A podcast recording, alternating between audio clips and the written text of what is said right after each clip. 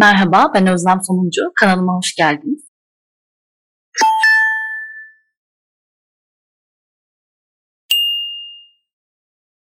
Bugün size evlerden bahsedeceğim. Astrolojide evler konusu çok önemli. Çünkü bize deneyimlerin nerede yaşayacağımızla ilgili sorunun cevabını evler veriyor olacak. Geçtiğimiz hafta nitelikleri konuşurken hemen şöyle sona ekranda görmüş olduğunuz sayfayı yansıtıp evlere değineceğimden bahsetmiştim. Bu hafta öyleyse artık girişelim bu konuya. Gördüğünüz harita doğum haritasının illüstre edilmiş hali. Kolayca anlayabilmemiz adına bu görüntünün iyi olacağını düşündüm ve buraya ekledim. Gördüğünüz üzere kardinal aks dediğimiz ki hemen şöyle kalemimle işaretliyorum mor bir kalemle ki sizin dikkatinizi çeksin bir alanımız var.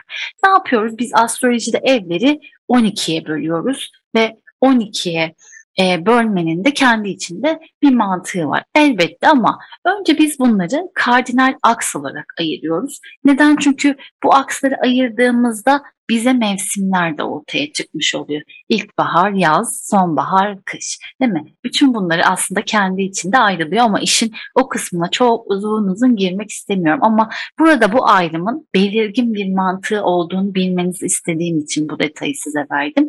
Ne yaptık? Önce kardinal aks 360 derecelik bir kadranı aldık dörde böldük. Kardinal aksı belirledik. Bu aksın bir ucuna ASC dedik. Birazdan açıklayacağım. Burası ufuk çizgisi. Yani biz doğduğumuzda güneşin yükseleceği alan, göreceğimiz alan. Hemen onun karşısı DSC yani güneşin batacağı alan diyebiliriz.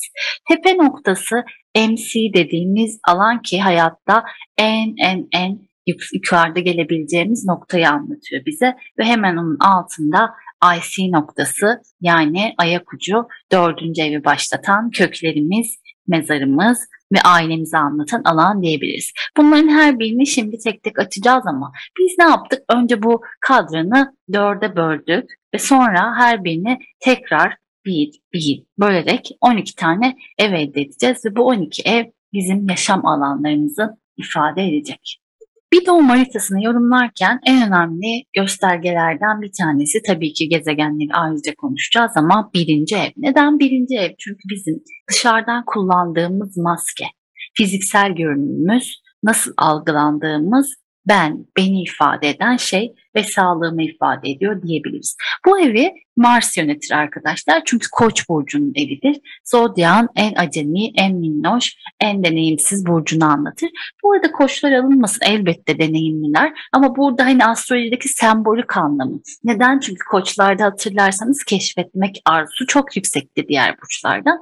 O yüzden acemilik kelimesi kullanılıyor burada.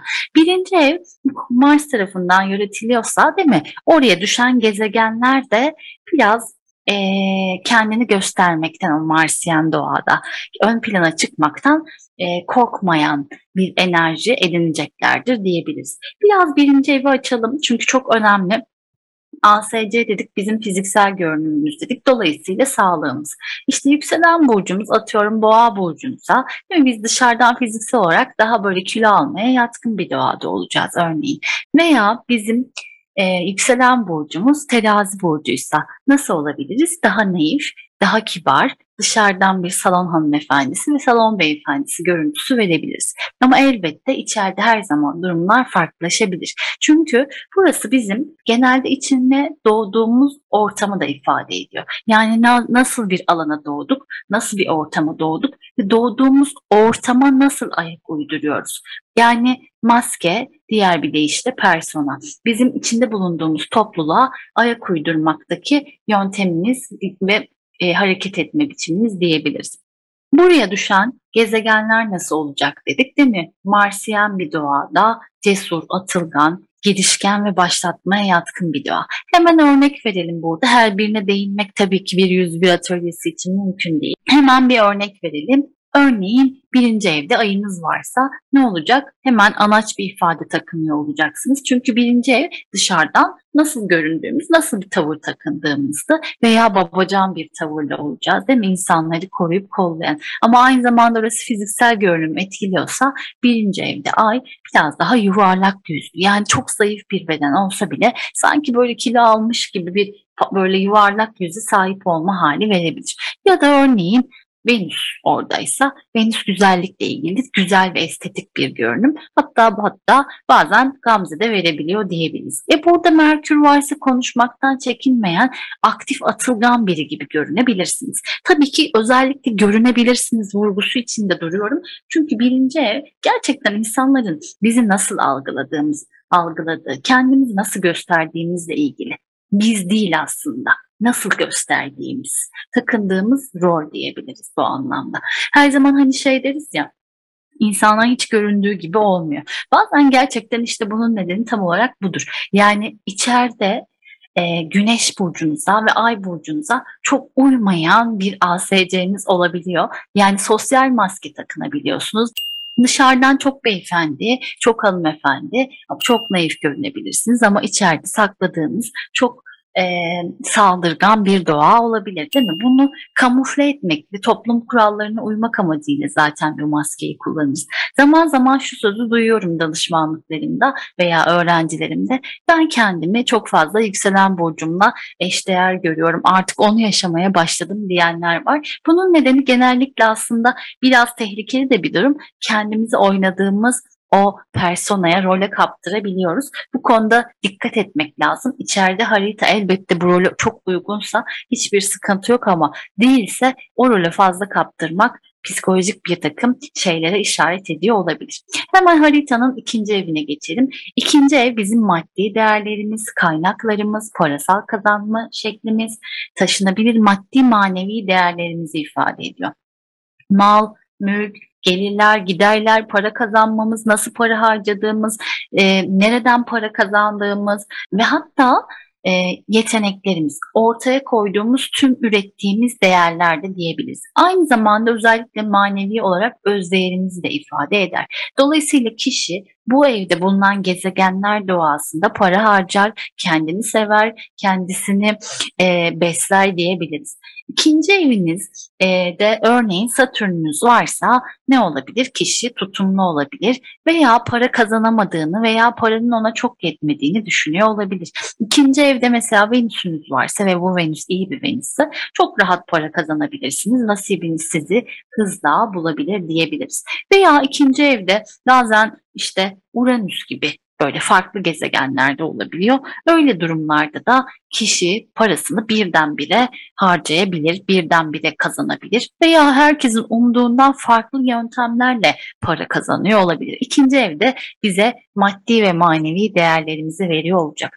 Bu evi de Venüs yönetiyor arkadaş. Geldik haritanın üçüncü evine. Üçüncü evi elbette hemen baştan buradan başlayalım. İkizlerin evi dolayısıyla Merkür yönetiyor.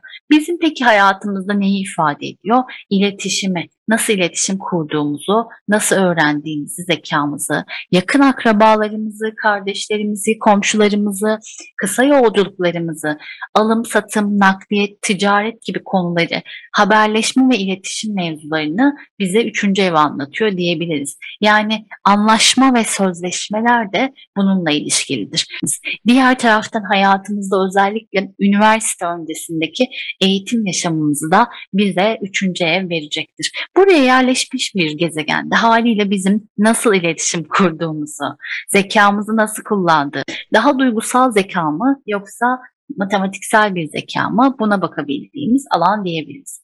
Merkür bu evdeyse, kendi evindeyse özellikle kişi zeki, özellikle iyi bir Merkürse konuşkan, iletişim odaklı e, ve aklını çok iyi kullanabilen bir yapıya sahiptir diyebiliriz. Bu evde örneğin Mars da olabilir. Üçüncü ev iletişim evi dedik. Mars'ın olduğu yerde kişi fazlasıyla cesur, atılgan ve lider görünebilir. Ama diğer taraftan zararlı açılarda özellikle Mars ne yapabilir? Kişiye birdenbire konuşmak, sinirlenmek, hızla öfkelenmek, hızla yükselmek gibi bir doğada verebilir. O nedenle de biraz dikkatli olunması lazım. Veya burada değil mi daha böyle işte ne diyebiliriz? e, Satürn gibi bir gezegen, daha sert bir gezegen olsun. O zaman kişi biraz daha e, resmi konuşan e, ve ağır ağır konuşan biri olabilir değil mi? Satürn'ün ağırlığını oraya da yansıtabiliriz. Gelelim Zodyak'ın dördüncü evine. Dördüncü evi bizim için çok önemli evlerden bir tanesi.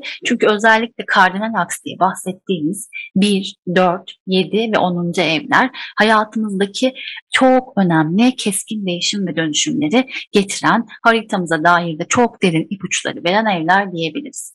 Burada baktığımızda şunu görüyoruz. Ailemiz, köklerimiz, e, karmamız, ev hayatımız, evde nasıl rahat ettiğimiz, yeraltı zenginliklerimiz, e, gözden uzakta neler yaptığımız, evimiz özel alanımız değil mi baktığımızda?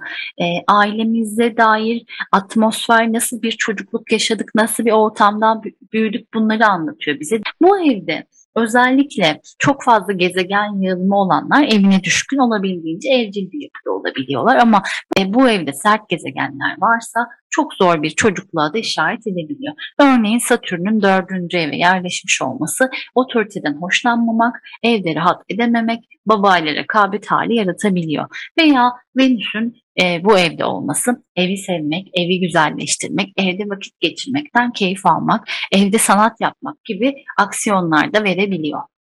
Bu evinde doğal yöneticisi yengeç dolayısıyla ay yönetiyor bu evi diyebiliriz. O anlamda da aslında ayın doğasını anladığımızda dördüncü evi de çok kolay bir şekilde anlayabiliriz. Gelelim haritamızın beşinci evine. Beşinci ev bize çocuklar, flörtler, hobiler, benliğin dışarı yansıması, ki bir önceki yaşamımızda özellikle ASC'sini temsil ettiği için bu alan nasıl yansıttığımız çok önemli. Kendimizi nasıl ifade ettiğimiz, eğlence anlayışımız, oyunlar, heyecan verici aktiviteler, heyecan verici cinsellik, çocuklarla olan ilişkiler, flörte nasıl baktığımız ve küçük şansları da anlatıyor. Yani bazen işte hani piyangodan bir şeyin çıkması gibi veya işte e, çekilişten bir şeyin çıkması gibi durumları da bize anlatıyor. Kumar, borsa gibi riskli durumları da yine 5. ev bize anlatıyor olacak. Buraya yerleşmiş bir gezegen peki nasıl bir doğada olacak? Burayı doğal o evi aslanın evi olduğu için yani güneş yönettiği için buraya yerleşmiş gezegenlerde çocuklarla iletişimi güçlendirebilir ya da sert bir gezegense bunu zorlaştırabilir diyebiliriz. Örneğin Güneş 5. evde ise işte kişi on inanılmaz yaratıcı çalışmalara yatkın olabilir, e, sanatçı olabilir, e, çocuklarla çok iyi anlaşıyor olabilir veya e, bu eve Uranüs yerleşmişse farklı bir sanat algısı olabilir. Değil mi? Yaratıcı çalışmalarda çağının ötesinde bir sanat ortaya koyabilir diyebiliriz. Bu eve Mars yerleşmişse belki çocuklarıyla kavga eden, rekabet etmekten hoşlanan veya rekabet eden edici ilişkiler kurarak eğlenen bir aile ortamı yaratabilir kendisine diyebiliriz. Veya orası flört demiştik. Mars'ın flört evinde olması partnerlerle rekabet etmek, koşturmak, böyle bir e, yarışmak durumları da verebilir. Gelelim Zodyak'ın 6. evine. Bu evi Merkür yönetiyor çünkü Başak Burcu'nun doğal evi diyebiliriz.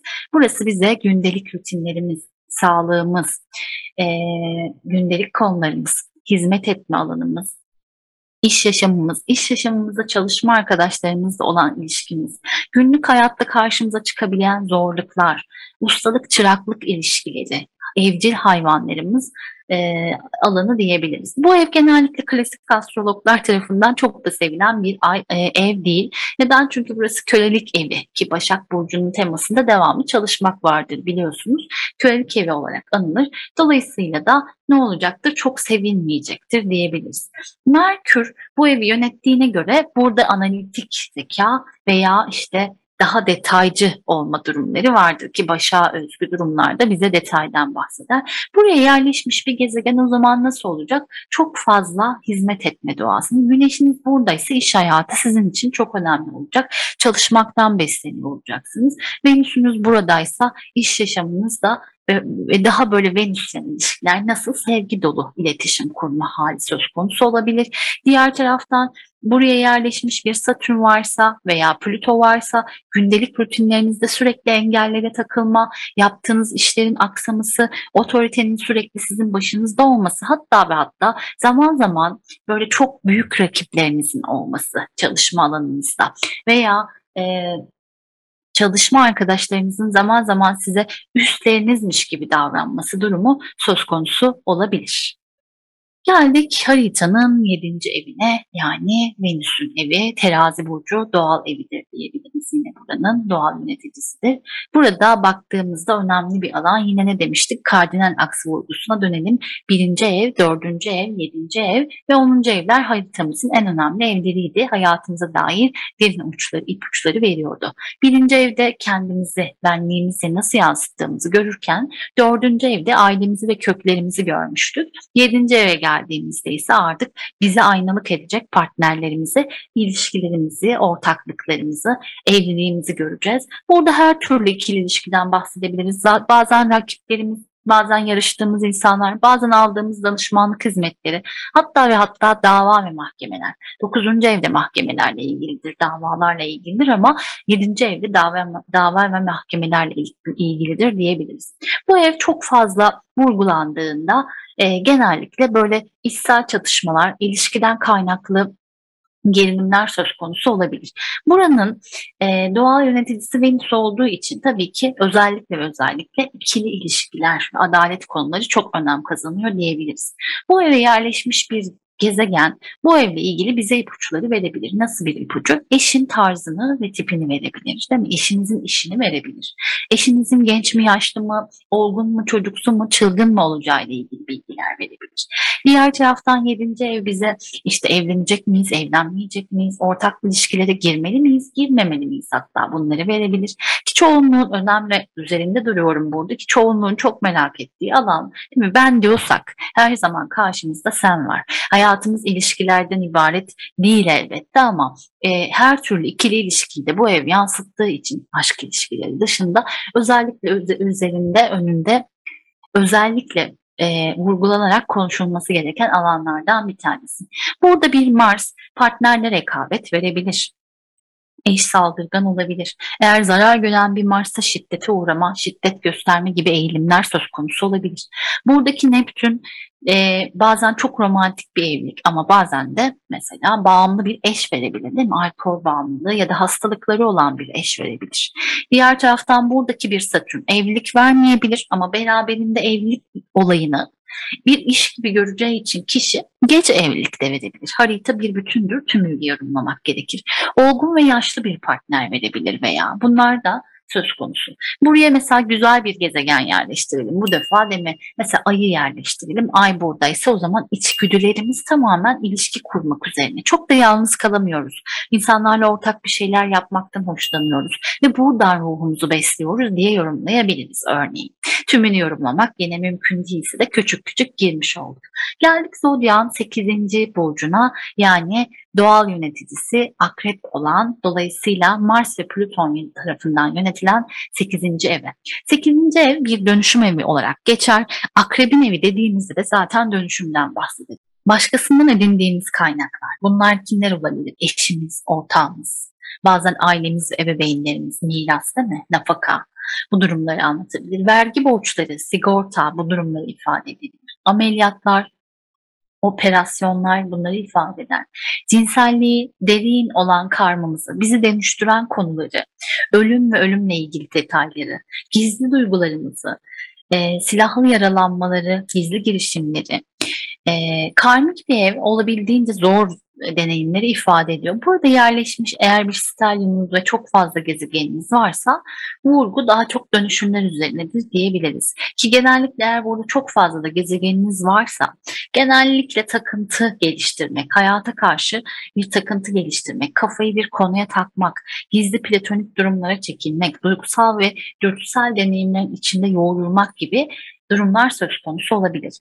Eee, buraya düşen tüm gezegenler ister istemez bize birazcık krizleri ifade ediyor. O yüzden çok da kolay bir, eee, ev değil. Buraya düşen bir güneş örneğin fazlasıyla, işte, ölüm ve ölüm ötesi konularla ilgilenme, spiritüel konulara çok yönelme ama beraberinde tabii ki özellikle gençlik yıllarında krizler, değil mi? Bu krizler cinsellikle ilgili olabilir, borçlar, krediler, aile, ölüm bunlarla ilgili olabilir. Bunları deneyimlemeyi ifade ediyor veya buraya yerleşmiş bir, eee, Uranüs beklenmedik zamanlarda, eee, gelebilecek birtakım operasyonları, yani ameliyatları falan ifade ediyor olabilir. Elbette harita bir bütün. Yine sadece oraya yerleşmiş bir gezegen.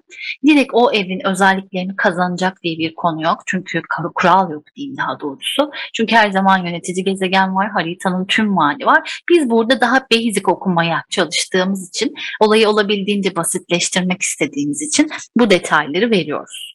Birkaç harita okuma örneği yapacağım zaten sizin için basic düzeyde. Normal harita okumalar da yapıyorum. Mutlaka izleyin sevgili dostlar. Eee, en son, eee, Munch'ın haritasını daha profesyonel bir okuma, eee, astroloji öğrencileri için okudum ama elbette siz de bu eğitimlerin sonunda onlara şöyle bir göz gezdirebilirsiniz ama sizin anlayabileceğiniz düzeyde 1-2 harita örneği de yapacağım bu. Bu 101 atölyemiz sona erdiğinde. Peki geldik 9. eve yani Yayın doğal evi, Jüpiter'in evine.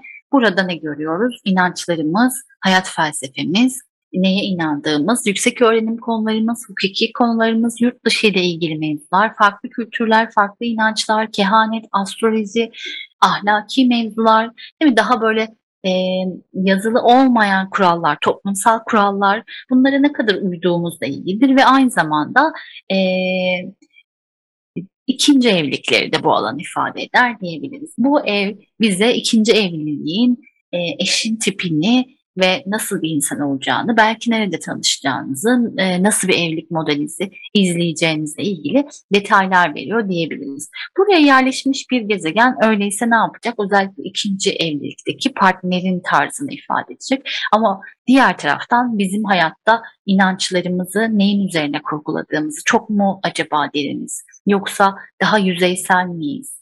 Yüksek öğrenim konularında üniversite yaşamında yani zorlandık mı, eee, büyüdük mü, küçüldük mü, yapamadık mı? Bize bunları ifade ediyor olacak. Dolayısıyla buraya yerleşmiş örneğin bir Jüpiter bize bazen yabancı ülkelere gitmeyi kolaylaştırabilir ama zorlu bir Jüpiter'se de tam tersi zorlaştırabilir. Buraya yerleşmiş bir Neptün hayalleriniz, hayata bakış açınız konusunda fazla idealist bir yapı verebilir size veya çok zorlu bir derecede, çok zorlu bir sabit yıldızdaysa üniversite yaşamınızda belirsizlikler, sisler, puslar yaratabilir. Buraya yerleşmiş bir Satürn yurt dışına gittiğinizde sizi çok yoruyor olabilir veya gitmenize engel olabilir. Bu tarz durumlarda söz konusu olabilir. Geldik haritanın 10. evine yani Oğlak burcunun yönettiği, Satürn'ün yöneticilik yaptığı 10. ev kariyer evimize, mesleğimizi, bu toplum içinde çıkabileceğimiz en yüksek statümüzü ve aynı zamanda da eee, toplumsal toplum önündeki duruşumuzu ifade ediyor diyebiliriz. Yine kardinal aks vurgusuyla gitmek istiyorum. Ne yapmıştık zodya? Biz önce 4'e bölmüştük. 1. 4. 7. ve 10. evler çok önemli demiştik. Neden önemli olduğu herhalde şu anda çok daha net anlaşılıyor. Çünkü 1. evde ben derken 7. evde sen dedik. 4. evde ailemiz ve köklerimizi görürken 10. evde toplum önünde gelebileceğimiz en yüksek noktayı görüyoruz. Başarılarımızı ve hatta başarısızlıklarımızı da burada göreceğiz.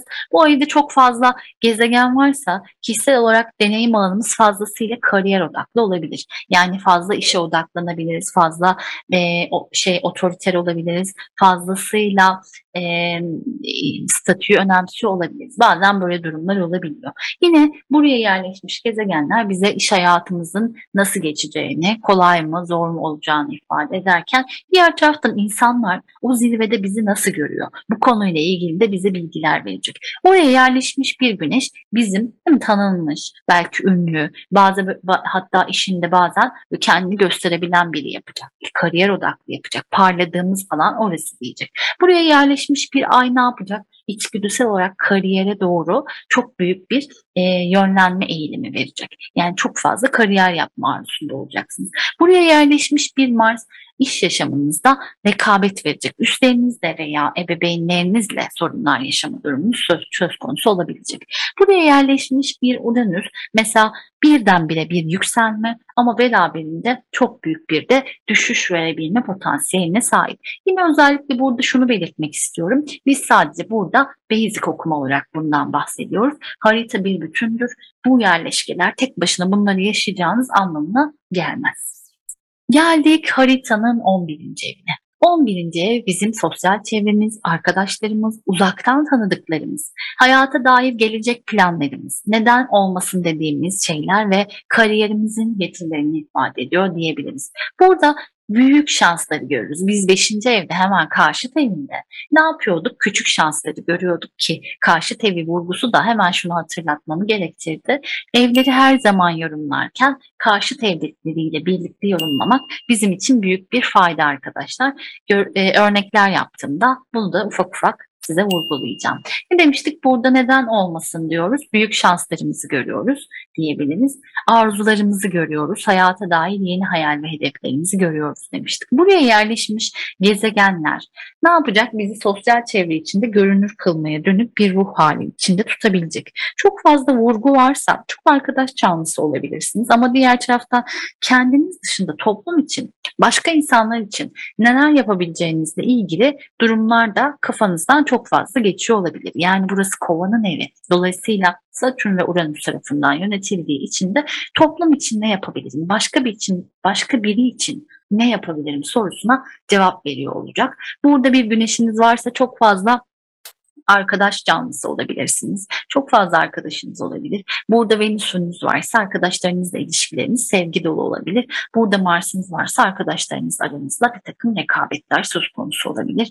Satürn varsa yaşça büyük arkadaşlarınız olabilir. Ama toplum içinde yani söz geçen biri olabilirsiniz gibi yorumlayabiliriz. Geldik Zodyak'ın en zor yorumlanası evlerinden 12. evine. Çünkü bu ev biraz karma ile ilişkisi, ilişkisi var ve aynı zamanda bizim geride bıraktığımız, arkamızda bıraktığımız, göremediğimiz durumları anlattığı için yorumlaması da zorlaşabiliyor. Öncelikle karmamız dedik. Bir önceki yaşamımızı ve döngümüzü ifade ediyor. Sonrasında baktığımızda tabii ben bir karma astrolog olarak öncelikle dedim ama siz bunun sıralamasını tam tersi değiştirebilirsiniz. Bizi hastaneler, hapishaneler, gizli düşmanlar, rüyalarımız, korkularımız, platonik durumlar, bağımlılıklarımız ve aynı zamanda ilham durumlarını ifade eder diyebiliriz. Tabii ki burada bu saydığım kelimeler size endişelendirebilecek kelimeler ama bu endişeye kapılmamakta fayda var. Neden? Çünkü herkesin haritasında böyle bir ev var. Yani 12. ev kaçınılmaz var. Dolayısıyla önemli olan bu evin içinde neler var, neler yok, neyi deneyimlemeye geliyorsunuz. Burada vurgu çok fazlaysa gerçekten çok özel bir insansınız. Hiç korkmanıza gerek yok. Çok spiritüel konularla ilgileniyor olabilirsiniz. İlham size başka başka kapılardan ve yollardan geliyor. Rüyalarınız çok hareketli olabilir. Aklınıza gelen başınıza geliyor olabilir platonik ilişkilere, gizli saklı ilişkilere çok çekili olabilirsiniz. Böyle durumlar söz konusu olabilir. Yine buradaki gezegenler bize özellikle bilinçaltı ve spiritüel alanla ilgili bilgiler verecek. Burada mesela bir Uranüs'ünüz varsa ne olacak? Siz diyelim ki böyle müthiş bilgili, bilginin size kolektiften aktığı ya da e, ilhamın beklenmedik bir zamanda geldiğini anlatacak. İnanılmaz belki bir sanat yeteneğiniz olacak. Çünkü belki bu karmada bir önceki yaşamda sanatla ilgileniyor olmuş olabilirsiniz. Bazen buradaki sert gezegenler sizi bir takım bağımlılıklara götürecek değil mi? Venüs özellikle mesela baktığınızda platonik ilişkiler veya bazen her zaman e, yani hani böyle platonik kelimesi de sizi rahatsız ediyor olabilir ama her zaman da böyle değil tabii ki.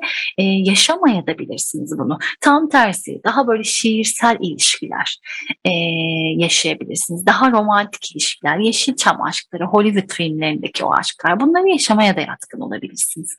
Platonik kısmı sadece bu aşkı realde bulamama potansiyeliniz varsa eğer haritanız vaat etmiyorsa bunu biraz hayal dünyasında tutmakla ilişkili olduğu için böyle yorumlanıyor diyebiliriz. Burası gizli düşmanlar evi olduğu için aynı zamanda buradaki bir Mars düşmanınızın saldırgan olabileceğini, buradaki bir Neptün düşmanınızın sinsi olabileceğini de ifade ediyor olabilir.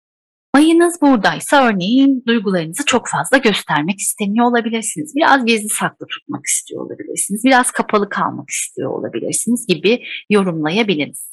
Böylece 12 evi yavaş yavaş e, kimle daha uzun değinerek, kimle daha kısa değinerek bitirmiş olduk sevgili dostlar. E, olabildiğince pratik ve işte sizin anlayabileceğiniz düzeyde sadeleştirerek anlatmaya çalıştım ama dediğim gibi evler konusu çok derin bir konudur. Hatta ve hatta bunun ötesinde ev türetme dediğimiz bir şey vardır ki yani inanılmaz detaylar verir bize. Bunları özellikle astroloji derslerimizde uzun uzun konuşuyoruz ama burada daha pratik bir eğitim yapmak iyi amaçladığımız için de olabildiğince kısa tutmaya çalıştım. E, bu konuyla ilgili ufak tefek haritalı okumaları yapacağım için orada daha detaylı pratiklere gireceğimizi söylemek isterim. Beni dinlediğiniz için teşekkür ederim. Videomu beğendiyseniz beğen tuşuna basmayı, kanalıma abone olmayı ve bildirim butonunu açmayı unutmayın. Görüşmek üzere. Sevgiler, hoşçakalın.